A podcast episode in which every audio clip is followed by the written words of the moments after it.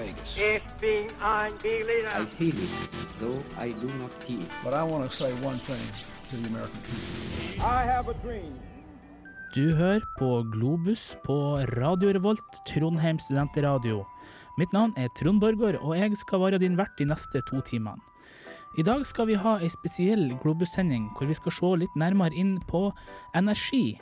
Og vi skal annet prate med eh, en forsker fra Sintef. Og vi skal òg snakke litt med Amnesty International, så vi får ganske mye bra i løpet av.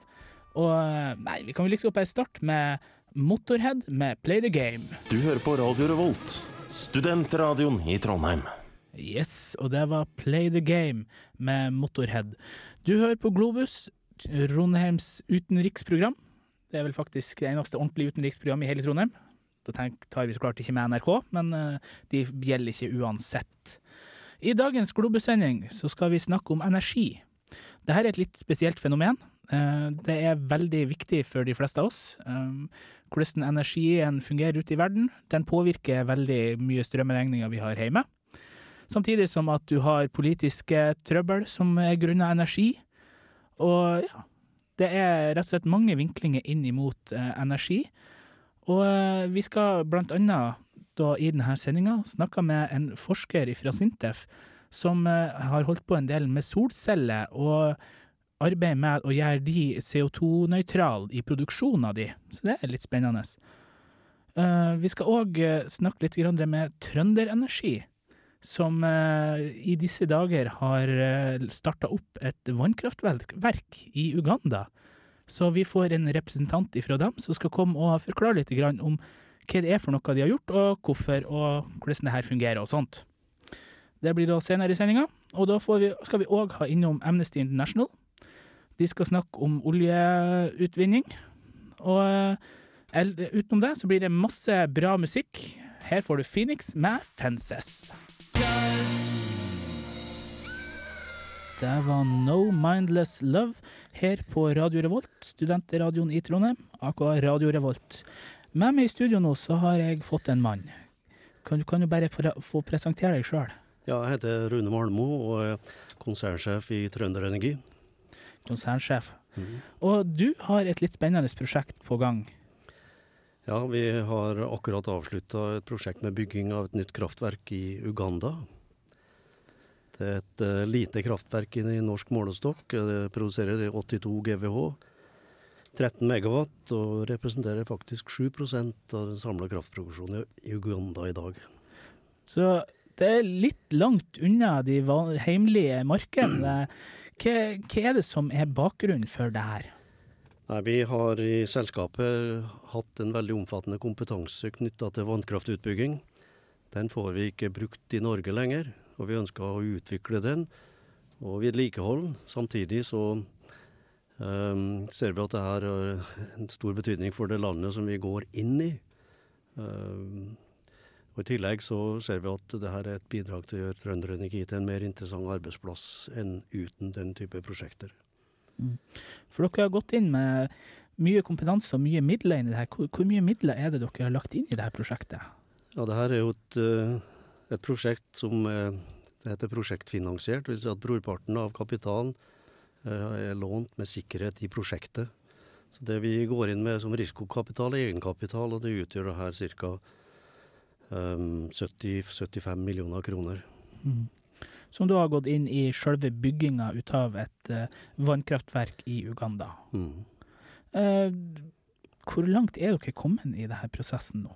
Ja, det anlegget starta vi på i fjor, og det ble eh, ferdigstilt eh, nå. Og vi hadde en formell åpning nå på onsdag. En relativt stor sak. Eh, presidenten i Uganda, Museveni, han var til stede sammen med fire av sine statsråder, og en norsk statsråd.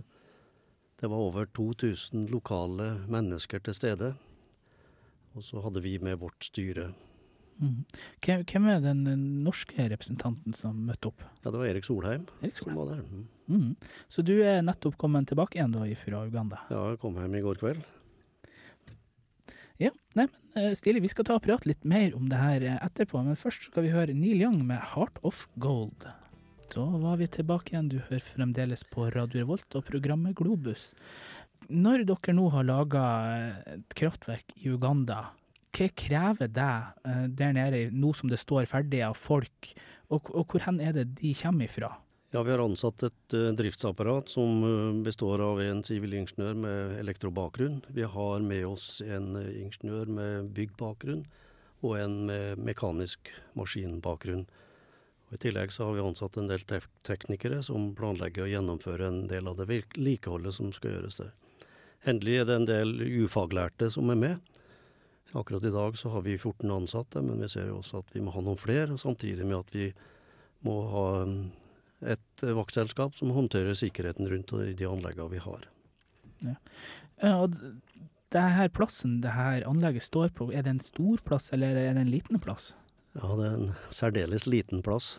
Det ligger riktignok en fem-seks kilometer fra en, en by som øh, ligger langt i vest i Uganda. Ikke noen stor by, men en by. Mm. Sånn at det meste av eh, arbeidskrafta vil være lokal etter hvert? Ja, den er lokal. Vi har i tillegg hatt en, en liten boom under byggeperioden, rimeligvis. Det, vi har jo registrert det å ha blå hjelm i området der var ikke det dummeste man hadde på seg. Det ga status. Vi har hatt ca. 450 lokale ansatte underveis. Noen av dem har fått en faglig utdanning i løpet av byggeperioden, og som kan brukes på prosjekter som vi tar mål av oss til å gjennomføre i fortsettelsen. Ja. Helt innledningsvis så sa du noe om hvor mye det var det, det her kraftverket skulle produsere i kilowatt. Ja, 82 GWh per år, gigawatt-timer. Og 7% av den samla produksjonen i Uganda, det, det, de har veldig liten tilgang på elektrisk kraft. og når, Hvis man beveger seg om natta i Uganda, så er det veldig lite lys å se. Det er ca. mellom 6 og 7% av husholdningene som har tilgang på elektrisk kraft. Det vi har god tro på, er at man, hvis man skaffer til veie energi i Uganda, så kan man få en industri, eller i hvert fall en næringsutvikling, som vil være forskjellig fra den man får uten tilgang på elektrisk kraft. Så vi tror det er viktig. Og Uganda sjøl har vel innsett at det er viktig, så de er i ferd med å gjennomføre noen større prosjekter i Nilen. Mm. Men eh, hvis man skal ta det tallet da, og gjøre det om til noe som lytteren eh, kan assosiere til, hvor mange husstander kunne du ha dekket med et sånt, sånn produksjon? Ja, hvis jeg skal gi et bilde, så kan vi bruke norsk kraftproduksjon som er nesten 30 000 kilo, altså megawatt. 30 000 delt på 4-5 millioner mennesker, cirka vi er. Mm. De har også 150 delt på 33 millioner. De, de, har nesten ikke tilgang på elektrisk kraft. Nei. Men, eh, men altså, hvor, noe, hvor, mange husstander vil det nye kraftverket hvis, hvis, man hadde brukt norske standarder, hvor mange hus i Norge kunne det ha dekt? Ja, Da kan du dele de 82 milliarder kilowattimene på 20 000 kilowattimer per husstand, som en normal norsk husstand bruker. Da får du vel 21 000. Mm. Så ikke helt lite Norge heller. Nei, nei. Men uh, når dere nå eh, har starta det her, hva slags ringvirkninger har det skapt rundt dere? Ja, Vi har jo gjort mer enn å bygge kraftanlegg. Uh, I tilknytning til lokalmiljøet så har vi gjennomført et helseprogram knytta til hiv-aids, som er et betydelig problem i Uganda. Vi har gjennomført et program som går på kolera, Eh, det er bygd en ny paviljong på et helsesenter i området som eh, er veldig viktig. Det er spesielt for gravide og nyfødte barn. De hadde et anlegg som ikke var veldig bra. De hadde ikke tilgang på elektrisk kraft og ikke kjøling, noe som gjorde at de ikke kunne oppbevare medisiner. Vi har bidratt til et arbeid som er knytta til, til, idrett, men som er mye bredere enn idrett. Det går på eh, prostitusjon, det går på vold i heimen, og en rekke ting som anses som samfunnsproblemer overalt i verden. Um, det er det vi har gjort i, i, nærområdet. I tillegg så har vi bidratt med betydelige midler til, et, til en skole for foreldreløse barn. Det gjør vi sammen med Nord-Trøndelag Elektrisitetsverk i Nord-Trøndelag og Nordmøre Energiverk. Gi dem en mulighet for at den skolen kan bli videreført. Og en del av de her tiltakene som dere er med på, de er dere òg forplikta til å være med på i årene som kommer? Ja, vi har forplikta oss sjøl, først og fremst. Når det gjelder barneheimen, så har vi da sagt at vi ønsker å være med med midler i fem år i første fase. Vi skal, etterpå skal vi snakke litt grann om eh, de her elementene, hva dere får igjen for det her. Men eh, før det så skal vi høre Friendly Flies med Kiss of Life.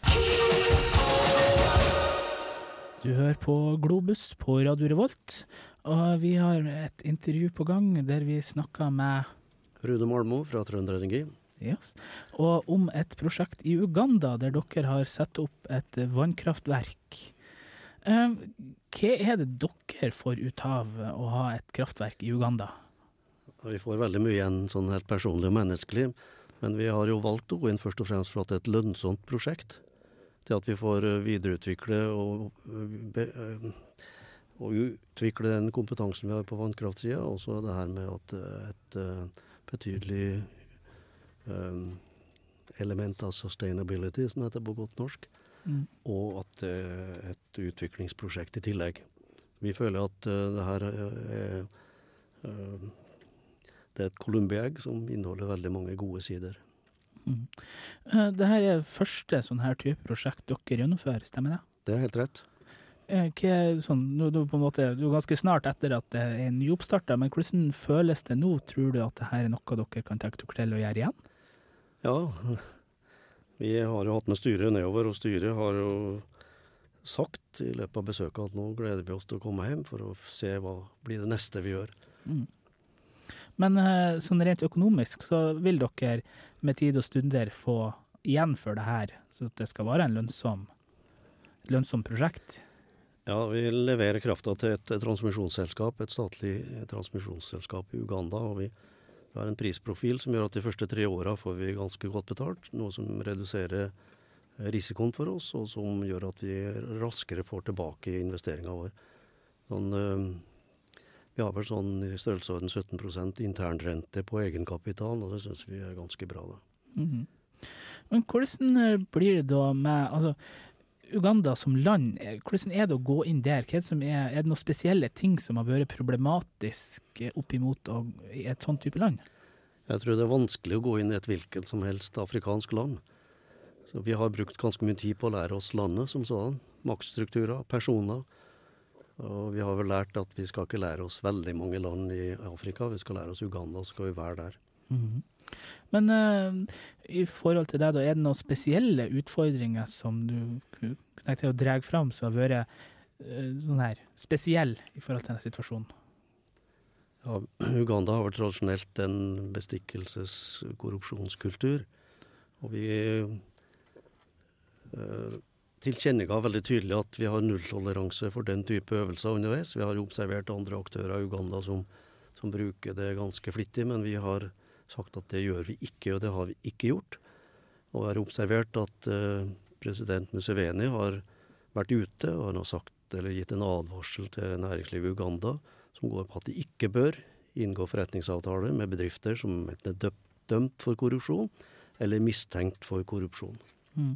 Sånn at det er en vilje fra toppen av landet til å forandre litt på en del av de eh, bakdelene der.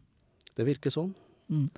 Og det er vel kanskje en gjør det enklere for dere å eventuelt få gjøre flere prosjekter der nede. Nå kommer jo Museveni til Norge her i slutten av denne måneden. Og da Han har jo bedt om et møte spesielt med norske energiselskap. Og han har gitt uttrykk for at det vi har gjort er særdeles positivt. Så vi forventer egentlig at vi får svar på noe vi utfordra han på når vi var nede nå på onsdag. Og det at vi kan få flere prosjekt i Uganda. Nei, men Det har vært eh, veldig spennende å få høre om dette prosjektet. Det er jo veldig positivt i lokalområdet og håper at det får eh, enda større ringvirkning enn det dere håper på. For det kan jo ha en kjempestor innvirkning på både industri og for landet som helhet. Så få tusen takk for at du kom på intervju. Bare Så skal vi ta og gå videre og høre litt grann musikk. Radio Revolt. Og programmet Globus. Et eh, stort problem, eller kanskje et problem, kanskje ikke, er at eh, mye av energien som vi har i dag, kommer ifra fossilt brensel. Eh, og med meg i studio nå så har jeg fått med meg Ja, Anders Mosen. og Jarl Erik Mathisen. Og Jarl Erik, du har sett litt på det her med fossilt brensel. Ja, jeg har tatt en liten kikk. Ja, hva har du funnet ut? Nei, eh, det er litt forskjellig. Altså sånn i forhold til eh, Vi bruker jo primært fortsatt olje da, og kull, og så en del gass. Det er stort sett det det går i. da. Eh, Og så kommer selvfølgelig de mer rene energikildene lenger ned på listen. Mm. og det er jo Det begynner å nærme seg slutten. da. Her i Norge så regner de med at den faktisk på Vi hadde peakolje på 90-tallet. Og eh, det nærmer seg altså slutten flere steder. Eh, De har beregnet det til 2057 nå, da. eh, Eller altså 2057. eh, At eh, det er da vi kommer til å gå tom. Eh, Nå finner de nye ting hele tiden, men eh, det blir spennende å se. Mm. Og det jo, De har også spekulert i da, om det blir gass som blir neste. Ikke ny, så ikke, så, ikke ren eh, altså grønn energi, men tvert imot altså bare overgang til gass. At man begynner å ta mer uh, For eksempel så har Qatar Airways har begynt å har jo laget et jet som går eh, både på gass og petroleum. da. Det som er greia mye her, er jo det at altså, fossilt brensel, i motsetning til uh, f.eks. biodiesel, eh, så er jo det laga på fossi altså fossiler eh, under jorda med masse trøkk i masse år, som har laga da for, forskjellige råoljen som vi har. Eh, hvordan er det med det? Altså, er det vi, Du sier at vi vil bruke det opp i 2050 ca. har du noen gode hva, hva vil ta over etter det? Nei, jeg nevnte jo selvfølgelig gass. Uh, vi har jo kullressurser òg, og da kan vi selvfølgelig håpe at eh, de grønne, altså mer renle, rene, oss kommer til å ta over. Det kommer nok til å ha litt med det, men eh, det, jeg nevnte jo gass, som sagt. Og kullressursene er jo massive. Altså, de varer jo De har beregnet at de regner rundt 130, kanskje litt lenger år til de er ferdige, da. Eh, når det kommer til Du nevnte jo dette med uh, Hva heter det igjen? Biodiesel? Biodiesel, ja. Uh, og der er det jo kommer jo da dette problemet da, med mat i forhold til diesel. Altså til forhold til eh, drivstoff også. For biodiesel det er da laga på plantemateriale som vi kunne brukt til mat. Nettopp. Og uh, en annen ting er jo Det blir dobbelt opp der, faktisk. For uh, i tillegg så bruker vi jo bensin og diesel til traktorer, og til Vi har et veldig mekanisert jordbruk. Så det kan, det kan bli vanskelig da, når vi begynner å gå tom. Hvordan det faktisk skal gå i hop det der, egentlig. Det er jo litt eh, interessant det at, at i Mexico så jeg tror at det er slik at de faktisk har um, slutta med, med biodiesel. De har ikke lov til å produsere biodiesel fordi at de har problemer med den, eh, den vektinga mellom biodiesel, da, som da er, er mer inntekts, eh, en større inntektskilde enn det er mat, å produsere mat i. Så plutselig fikk du matmangel i Mexico når du hadde den store produseringa av det. Så de måtte faktisk eh, si at eh, nei, nå må vi kutte i alt som heter biodiesel, for det her det kan vi ikke drive med. Brasil har jo òg en eh, et kvart ganske lang historie med bruk av eh, altså rett og slett alkohol. Altså, tre, tresprit, rett og slett, som Mm. eh, drivstoff til diverse ting. Problemet der går vel også litt på at de er redd for at de kutter litt i regnskogen og sånne ting. Da. Ja da, og så er det jo ofte sukkerstoffer de bruker som ellers kunne ha vært brukt i mat der òg, så det er jo veldig spennende å se på. Men fossilt bre- brensel vil ta slutt. Ja, altså det er det jo ingen uh, som lurer på, faktisk. Det er, eh, det er, de diskuterer selvfølgelig veldig mye på når det vil ta slutt. fordi nå, nå kaster jeg ut 2057, selvfølgelig. Men de tallene har endret seg hele tiden. Altså det var jo også Det ble beregnet Peak Oil ble beregnet til eh, 1995 på verdensbasis på 1970-tallet. Eh, men jeg har jo De regner med at det er lenger fram i tid enn nå for tiden. Da. Så det, det forandrer seg hele tiden. De finner noen oljereserver, men det er, uh, altså det er eh, kun et spørsmål om tid før det går å slutte. Det er det uansett. Mm. Men uh, vi skal ta og høre Dead Kennedys med 'Holiday in Cambodia', og så kommer vi tilbake og prater litt mer om det her etterpå. Yes, du hører på Globus på Radio Revolt, studentradioen i Trondheim. Og med meg i studio har jeg Jarl Erik. Og Anders. Yes. Og vi snakker om fossilt brensel. Og eh, den holder jo på å Eller holder ikke på, men den kommer til å ta slutt etter hvert. Eh, Men hva er det egentlig som ligger bak det her? Altså, hva som er problemet med fossilt brensel, og at vi bruker eh, det? Det går jo på det at det vil eh, em, ødelegge den naturlige balansen da, i atmosfæren, med at vi da ut, altså vi løser ut en del nye stoffer, altså en del CO2, og eh, kanskje også noe metangasser. Men det er kanskje litt mer på gass igjen. Mm. Så eh, det her er da gasser sånt, så, eller ikke, det her er bestanddeler som har vært under jorda i millioner år, og som vi da slipper løs i, ut i lufta. Men hva, hva gjør det her annerledes da enn f.eks. å brenne treverk, som ansett som å være CO2-nøytralt? Altså, Treverk det er jo fordi det er en del av økosystemet slik økosystemet er i dag. Mens det som da ligger under, ganske dypt under jorda, der har du en del eh, CO2 da, som tidligere har vært i økosystemet, som er liksom samla langt under jorda og ikke har vært det på en del millioner år. Og da blir det ja, det blir litt forskjellig da, hvis du skal begynne å eh, tilføre det igjen da, til det økosystemet vi har nå. Konseptet er da at et eh, tre som står ute i skogen, den fanger opp CO2 og binder det til seg sjøl. Og når vi da brenner den vedkubben, så Løser den ut igjen den CO2-en, ja. mm, Spennende. Men uh, det her er jo en del av det her klimaproblematikken. Er det noen løsninger på det CO2-overskuddet som man har? Um, den løsningen som kanskje er den, uh, den fleste nå tenker på, uh, det er rett og slett at du fanger opp en del av den CO2-en som blir brukt. da. Og at du da uh, enten renser den, uh, eller da, at du pusher den ned igjen i hullet i bakken, der, du, der den kommer fra. Uh, at du da ja, at du da presser ned der oljen kommer fra, uh, de samme hullene. Og etter en stund, så, altså det vil være flytende, etter en stund så vil det jo da eh, blir fast i bakken. Sånn at det da blir liggende nede som en ja, innblanda i stein. da. Mm. Men uh, hva vil være enderesultatet ut av det her med Eller vår bruk av fossilt brensel? Eh, Ah, øh, når det hele kommer til ende? Nei, altså Det er jo et saudiarabisk ordtak som sier øh, altså Min far red på kamel. Jeg kjører bil. Og min sønn, han flyr jetfly. Men hans sønn igjen, han vil uh, ri på kamel. det vil jo, vise, vil jo vise seg med tida da, om at man er i stand til å overleve når drivstoffet tar slutt, om at man klarer å komme på gode nok eh, løsninger for alternativ energi. Og Ja, det er jo et spørsmål, det. Altså om overgangen blir øh, lett nok, da, eller om det kommer til å få store økonomiske og andre problematiske følger. yes. Men nå skal vi høre 'Gift of Gab'. Gift of Gab med El Gifto Magnifico her vi på Globus Radio Revolt. Eh, mitt navn er Anders Maasen. Uh, jeg bruker jo å sitte her, som jeg sitter nå, stort sett. Men i dag så gjør jeg jo bare det akkurat nå. Uh, fordi at han som da er programleder, altså Trond Borgar, han har jo en, en, liten, en liten sak, ikke sant, Trond? Ja. Jeg har nemlig snakka med Martin Sivertsen. Han er forsker ved Sintef for material og kjemi.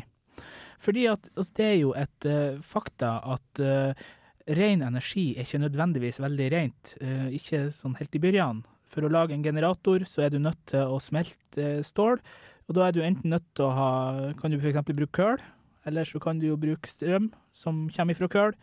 Sånn at eh, å lage ren Når du kommer så langt at du kan lage den rene energien, så er det jo på en måte ren energi, men opp til det punktet så er det kanskje ikke helt tilfellet. Og da snakker jeg da med Martin Sivertsen da, fra Sintef, eh, som har jobba en del opp imot solceller. Radio Revolt på FM 97,9. Vi har ganske stor aktivitet eh, og har hatt en god del år på når det gjelder eh, solceller og produksjon av silisium til, som brukes i solceller. Det har, eh, Som de fleste vet, så har jo- har det vært veldig mye satsing på eh, solceller i de siste årene. og eh, Hovedgrunnen til det er jo eh, da at dette her er en eh, veldig ren energikilde som vi håper å kunne bruke effektivt. Å tappe energi direkte fra sollyset er en eh, fantastisk måte å få ren energi på. Nå krever jo dette at vi har eh, veldig god kontroll med hva vi gjør. Sånn at det er ikke bare rett fram og produsere silisium og dermed solceller. Hovedutfordringene egentlig på den økonomiske sida. Det har kosta veldig mye å produsere silisium som skal brukes til solceller, i forhold til det som det koster å produsere energi eh, generelt ut eh, fossile brensel eller vannkraft eller eh, atomkraft eller noe sånt. I forhold til deg, altså du har rene utgiften, men har det ikke òg vært en problematikk i forhold til at det faktisk i bearbeidelsen av silisiumen er mye CO2-utslipp som da går på fossile brensel? Jo, selvfølgelig. Det er jo en uh, annen uh, side av saken. da. At en må, må, se på hele energi, eller hele den produksjonsveien for å minimere CO2-utslippene så best en kan. Skal den først produsere silisium, så er det jo et minste energi som trengs for å få trukket ut silisiumen fra f.eks. kvarts, som da er en av råstoffene til silisium. Vanligvis sånn silisium som produseres f.eks. på Orkanger, der blander du inn kvarts med litt treflis og, og kull og sånt, og koks. Og så trekker du ut silisiumen på det viset. Ja, Da bruker du selvfølgelig fossilt brensel til det. Vi har også forsøkt å se på hva som skjer hvis en bytter ut mer av det koksen med trekull. Og det kan se ut som at det kan fungere. Det er problemer sånn drift av ovner hvis du har mye trekull. For det at trekull støver veldig. Det dere har jobba en del med der, er jo da også bl.a. sett på om at det er mulig å lage raffinering av silisiumen til å bli CO2-nøytral? Ja, nei, det, det, er jo en uh, hovedpoenget med å, å f.eks. bytte ut uh, koksen med trekull. For at trekull lager den jo av treflis, som da, og det CO2-kretsløpet som inngår i vekst av trevirke, det er så mye, mye kortere tidsmessig. Det er jo snakk om, da er det snakk om noen få år, kanskje fremfor det kretsløpet som du snakker om når det er danning av koks og olje og fossile brensel. Det har vært en del påstander om det her at bruk av solceller, spesielt i mindre skala, altså sånn, og her i nord, f.eks. til hytta og sånt, at det faktisk har vært CO2-fiendtlig.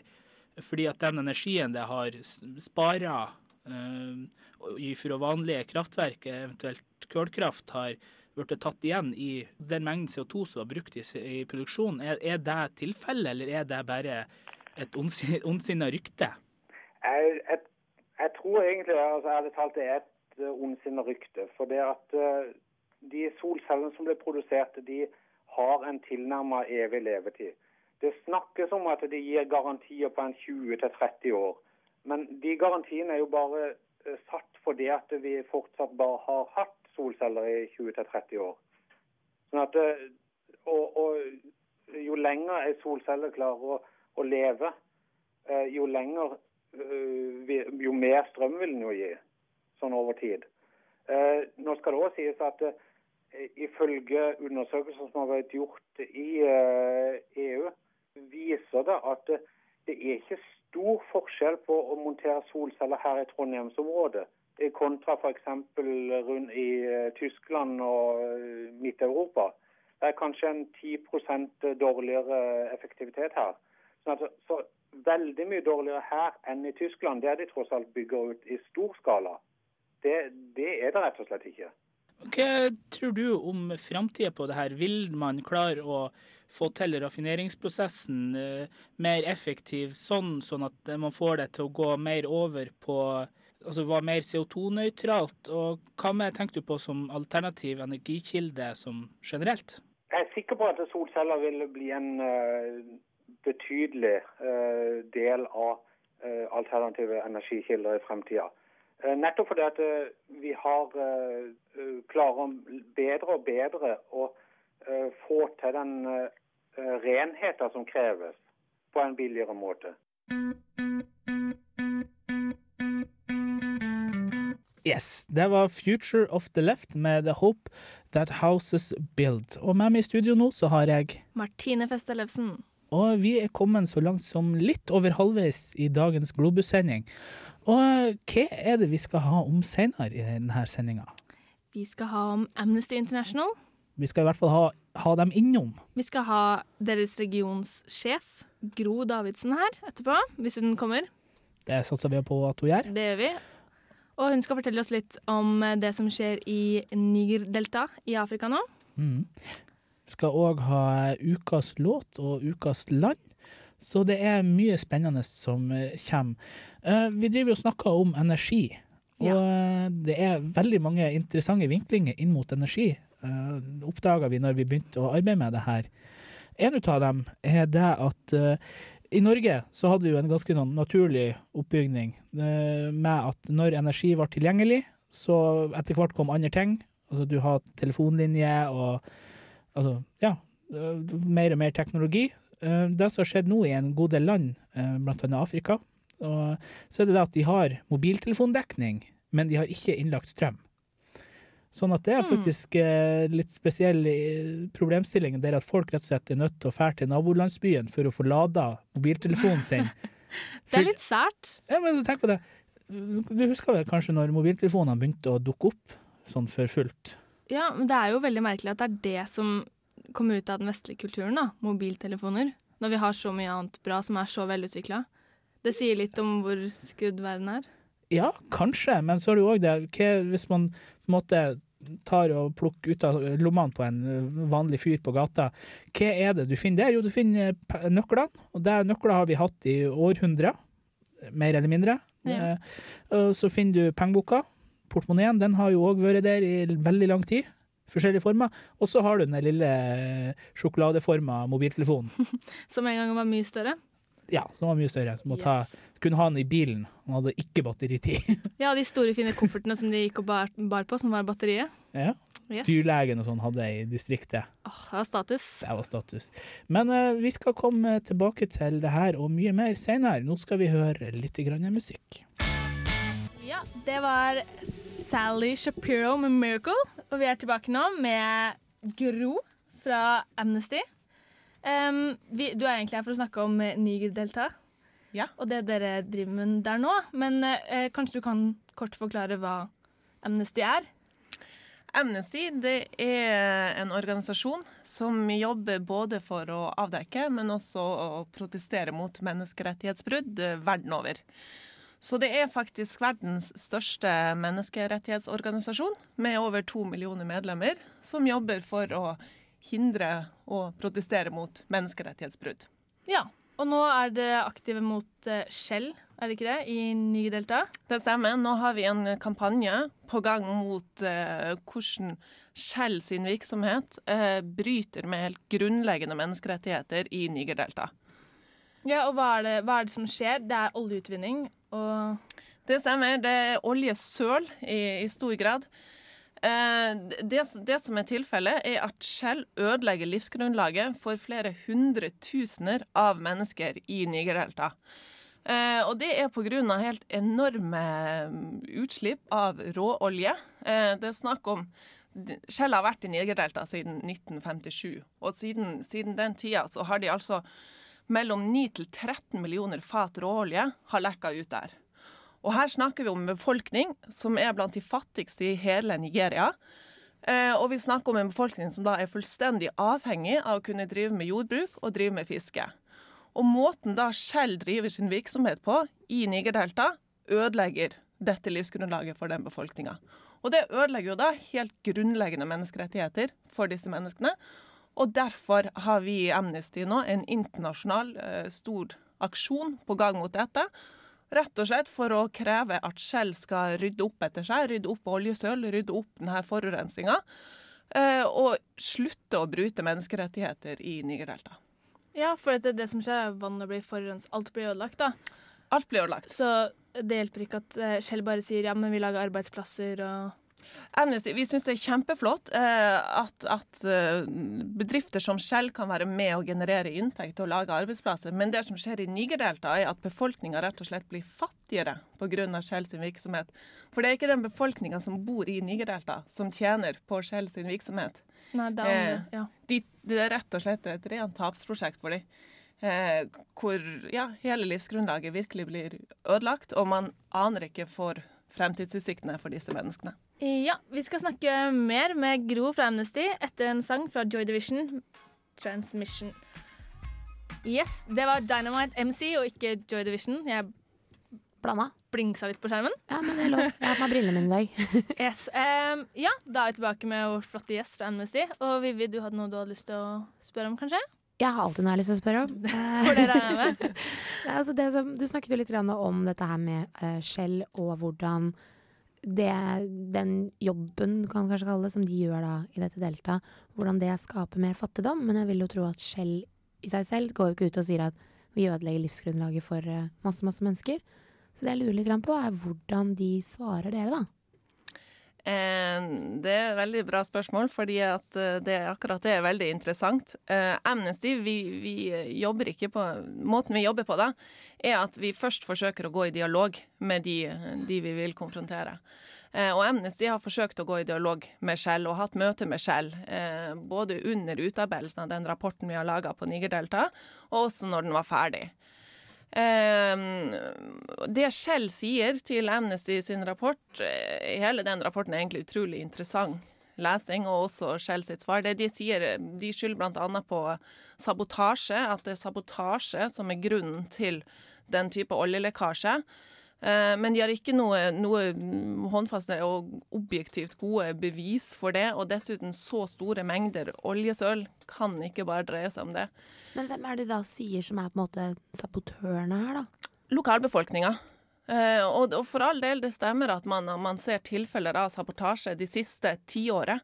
Men her snakker vi om en situasjon som har pågått siden uh, slutten av 50-tallet. Og vi snakker om så enormt store mengder, og det er så mange eksempler i den Amnesty-rapporten uh, på ren arroganse fra Shell.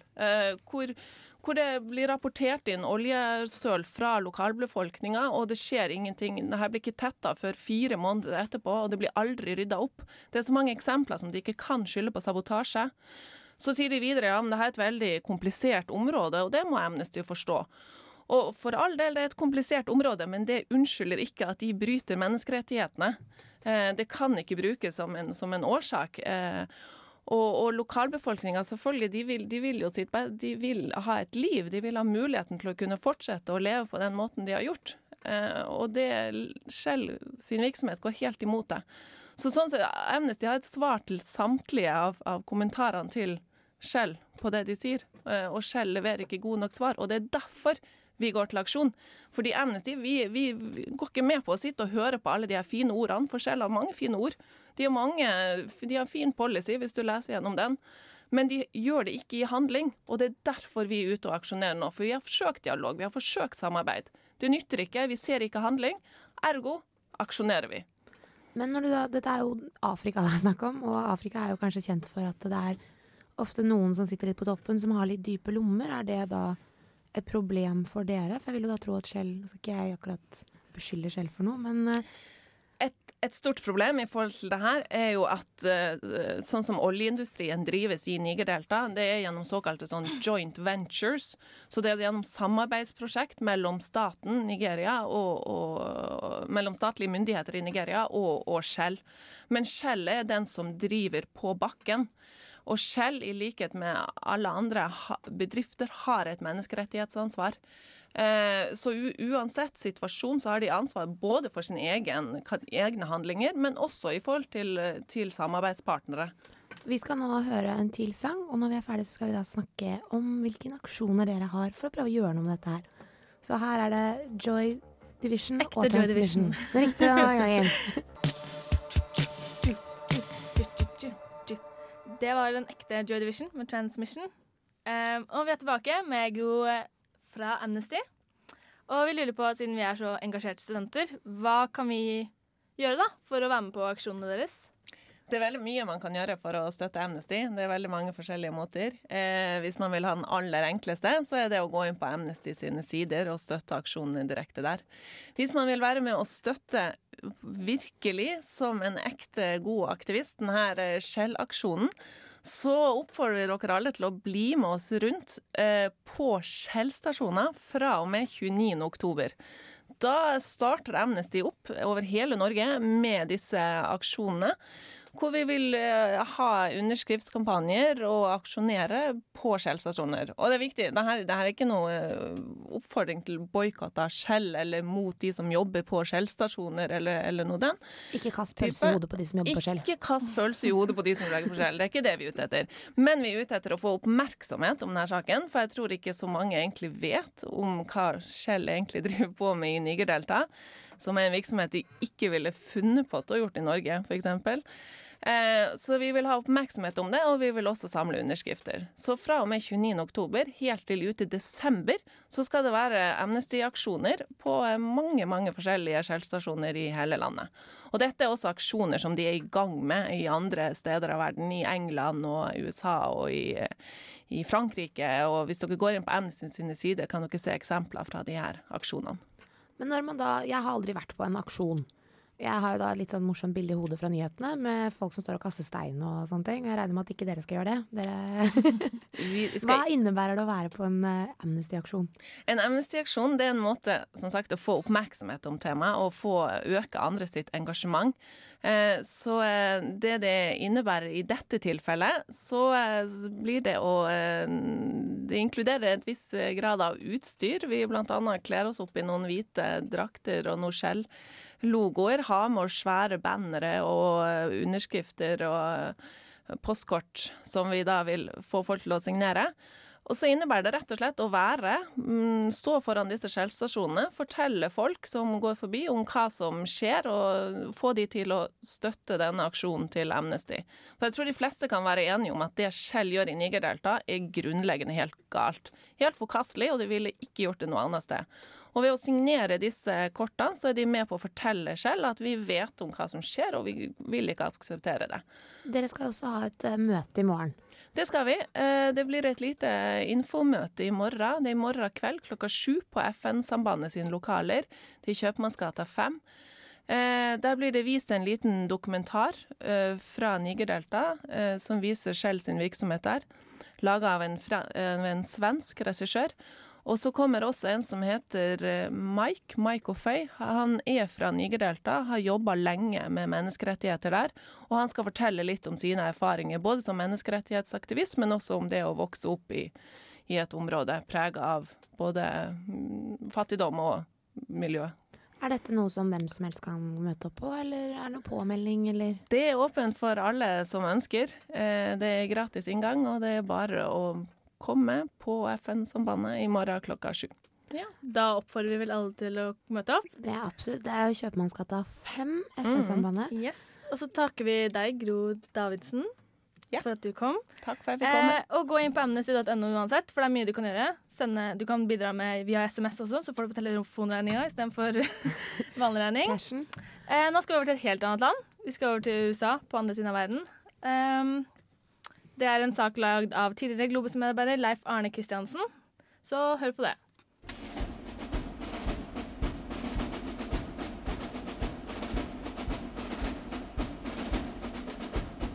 På den andre siden av Atlanterhavet ligger det et ganske stort land. I dette landet kan du oppleve så godt som alle klimaforhold, fra ørkenhete til kalde nordlige skoger. Du kan spise hamburgere til du sprekker, kjøpe håndvåpen over disk og betale legeregningen helt på egen hånd. Oh,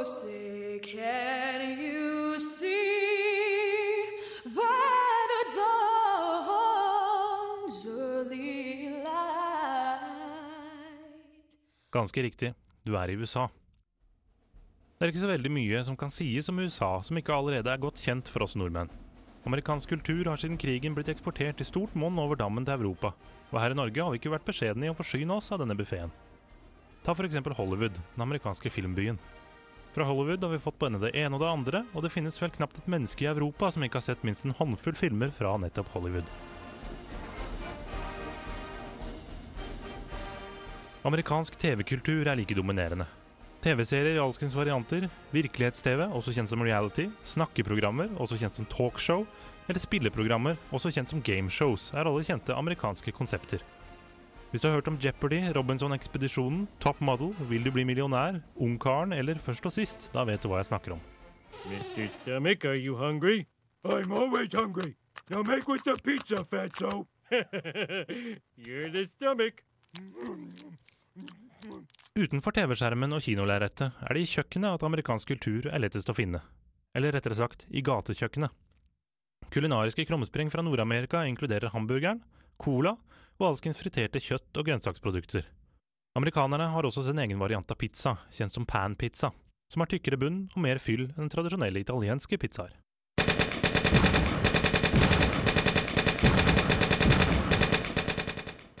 Amerikansk kultur er med andre ord velkjent, og derfor ikke så veldig interessant. Mer spennende er Amerikas destruktive krefter. USA har et våpenarsenal tilstrekkelig til å utslette verden et titalls ganger, minst. På apokalypsemenyen står naturligvis atomvåpen som hovedrett, men mulighetene er store for å krydre litt her og der med ulike biologiske og kjemiske våpen. Hva med et virus som dreper 99% av de som blir smittet, eller gasser som får organene i kroppen til å løse seg opp? Den amerikanske destruksjonskapasiteten har noe for enhver makaber smak. I all rettferdighet burde naturligvis nevnes at USA ikke er det eneste landet som har denne noe tvilsomme evnen.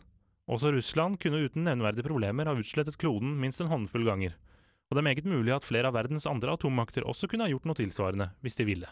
Tross alt kan jo verden bare utslettes én gang. I'm talking about America,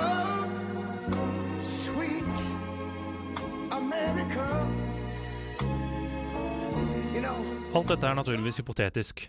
Sannsynligheten for at USA har lyst til å arrangere et verdensomspennende Armageddon er tross alt svært liten, for det ville jo utvilsomt ha ført til høyere bensinpriser. Og Trond, vi skal over til deg Yes. med ukas låt. Jeg er kommet tilbake inn i studio, Velkommen. Og ja, vi har et eh, prosjekt på gang i Globus. Noe nytt som vi skal drive og prøve oss fram med de kommende ukene. Se om at det her er en av de tingene som setter fast i Globus, som en fast spalte. Og det er rett og slett ut, ukas utenlandske låt. Hør melodien, hør rytmen, slipp deg fri. Her er ukas internasjonale melodi. Ja, da skal vi altså ha ukas internasjonale melodi, og i dag starter vi med Tyskland. Ja, vi skal nemlig til Tyskland. eh, For eh, her i Norge så var Du har hørt om gruppa Tungtvann? Ja, hvem har vel ikke hørt om de? Ja, De var jo blant de første. Ja, blant de første i Norge som rappa på norsk, rett og slett. Nå skal vi til eh, den tyske varianten, som var litt tidligere ute med å rappe på tysk, da. Vi rapper ikke på norsk. Ja. Vi skal til begynnelsen av, av 90-tallet her. Ja. Gruppa heter De Fantastischen Vier, altså De fantastiske fire. De toppa hitlisten på den tida, og de har egentlig gjort det flere ganger etterpå. Og de er fortsatt populære nå, 20 år etterpå. Det er såpass? De holder koken, altså. Ja, det gjør de. De her fantastiske fire, som det, fantastiske fire som det er på norsk, da, det er fire gutter fra bilbyen Stuttgart, som er da sør i Ah. Tyskland. Der de lager annet Porsche. Eh, de heter så mye som Smudo, Housemester Thomas D, Mitchi Beck og eh, så heter produsenten da And Ypsilon. Og det er liksom ikke bare et band det her, de har eget plateselskap, eller label som det vel sikkert egentlig heter. De hadde eget TV-show på TV og, som het Den fjerde dimensjon. Da, som Såpass? De slår an i Tyskland i hvert fall. Altså. de gjør det. De var til og med stemmen på animasjonsfilmen Madagaskar 1 og 2. De her, Eh, Alene? Blant annet. Blant annet, ja, men allikevel. Imponerende. Ja. Og så er bandet 20 år i år, da. Og det har de feira med konsert i hjembyen. Ja. 60 000 fans som var der i sommer. Ja, nei, tyskere De er litt flere. De hadde faktisk det statlige Bolsjevik-teatret sitt orkester i Minsk, stilt, altså fra Hviterussland, stilte opp som backingband. Ja, ja, oi, oi, oi. Så sånn var det. Eh, Kanskje vi skal høre på en Ja, en nå er jeg spent på å høre på hva dette faktisk handler om. Hva, men eh, hva handler denne låten vi skal høre om, egentlig? Nå- Ja, det, det, det som er litt spesielt, du vet jo at tyskerne er veldig glad i forkortelser. BMW, og du har alle de her eh, LKV og mye sånn der. Ja, jo, jeg har nå hørt noen i hvert fall. Ja. ja, og den her sangen da, som faktisk er fra 1999, Ja. den tar opp alle, den problemet med alle forkortelsene på tysk. Ja. Den heter MFG. Uh, mitt freundlichen Grüßen. Ja, med vennlig hilsen. Ja. Nemlig. Og sånn fortsetter det gjennom hele sangen. Det er bare forkortelser vi kan høre på det her. Ja. For mer av utlandet, hør på Globus hver tirsdag klokken 17 og onsdag klokken 12. Globus gjør verden litt større. Du hører på Radio Revolt på FM 97,9. Globus, det er programmet du hører på, det er straks ferdig. Men før det så har vi plukka inn absolutt alle som har vært med og laga denne sendinga. Nesten alle, i hvert fall. Skal vi ta bølgen? Skal vi ta bølgen? Og hvem er vi? Vivi Ringnes. Jarlek. Trond Borgård. Anders Mossen. Og Marthinis. Med Og- den sexy kveldsstemmen sin. Yes. I tillegg så har vi tekniker. Jeg vil ha tekniker på lufta. Kom igjen. Kom igjen. Martin Larsen. Martin Larsen! Han er best radiostemme av alle sammen. Og han er tekniker, det er litt kjipt. Men eh, Globus, det går på nå på tirsdag, eller kanskje på onsdag, hvis du er på onsdag. Det går tirsdag da, mellom fem og sju, og onsdager mellom tolv og to. Du kan høre oss på nett på radiorevolt.no, og du kan òg eh, ta kontakt med oss på Jeg sitter nå og lager ei lita fanside på Facebook nå, så hvis du har lyst til å bli fan, så går det an å søke på Globus, eh, og så får du opp en som heter Globus Radio Revolt FM 97,9, og det er oss. Jeg syns alle burde bli medlem, selv om de ikke liker oss òg. Ja. Da kan de jo sende inn beskjed om hva de misliker, da. Jeg tror alle liker oss. Hvis vi får 500 medlemmer inn i morgen, så skal Trond sykle til Italia. Ja. Apropos det, i sommer så møtte jeg faktisk noen som hadde sykla ifra Italia og til hit. Så nesten det samme. Jeg vil ikke gjøre det, det er langt. Ja. Men du kan òg sende melding til Globus etter Radio Revolt. Og så, utenom det så kommer vi tilbake igjen eh, neste tirsdag med ny sending. Så det blir spennende å se. Da er det kanskje Anders er tek eh, programleder. Hvem vet? Ja, Jeg syns Martine skal være Hun var jo ganske flink nå. Ja, syns Martine gjorde et eh, veldig bra intervju. Jeg får høre Martine. vi skal gjøre oss klar. Etter oss så kommer Bokbarn, så fortsett å høre på Radio Revolt. Og da skal vi høre siste sang ut, så får dere alle ha en god kveld videre. Ha det! Ha det!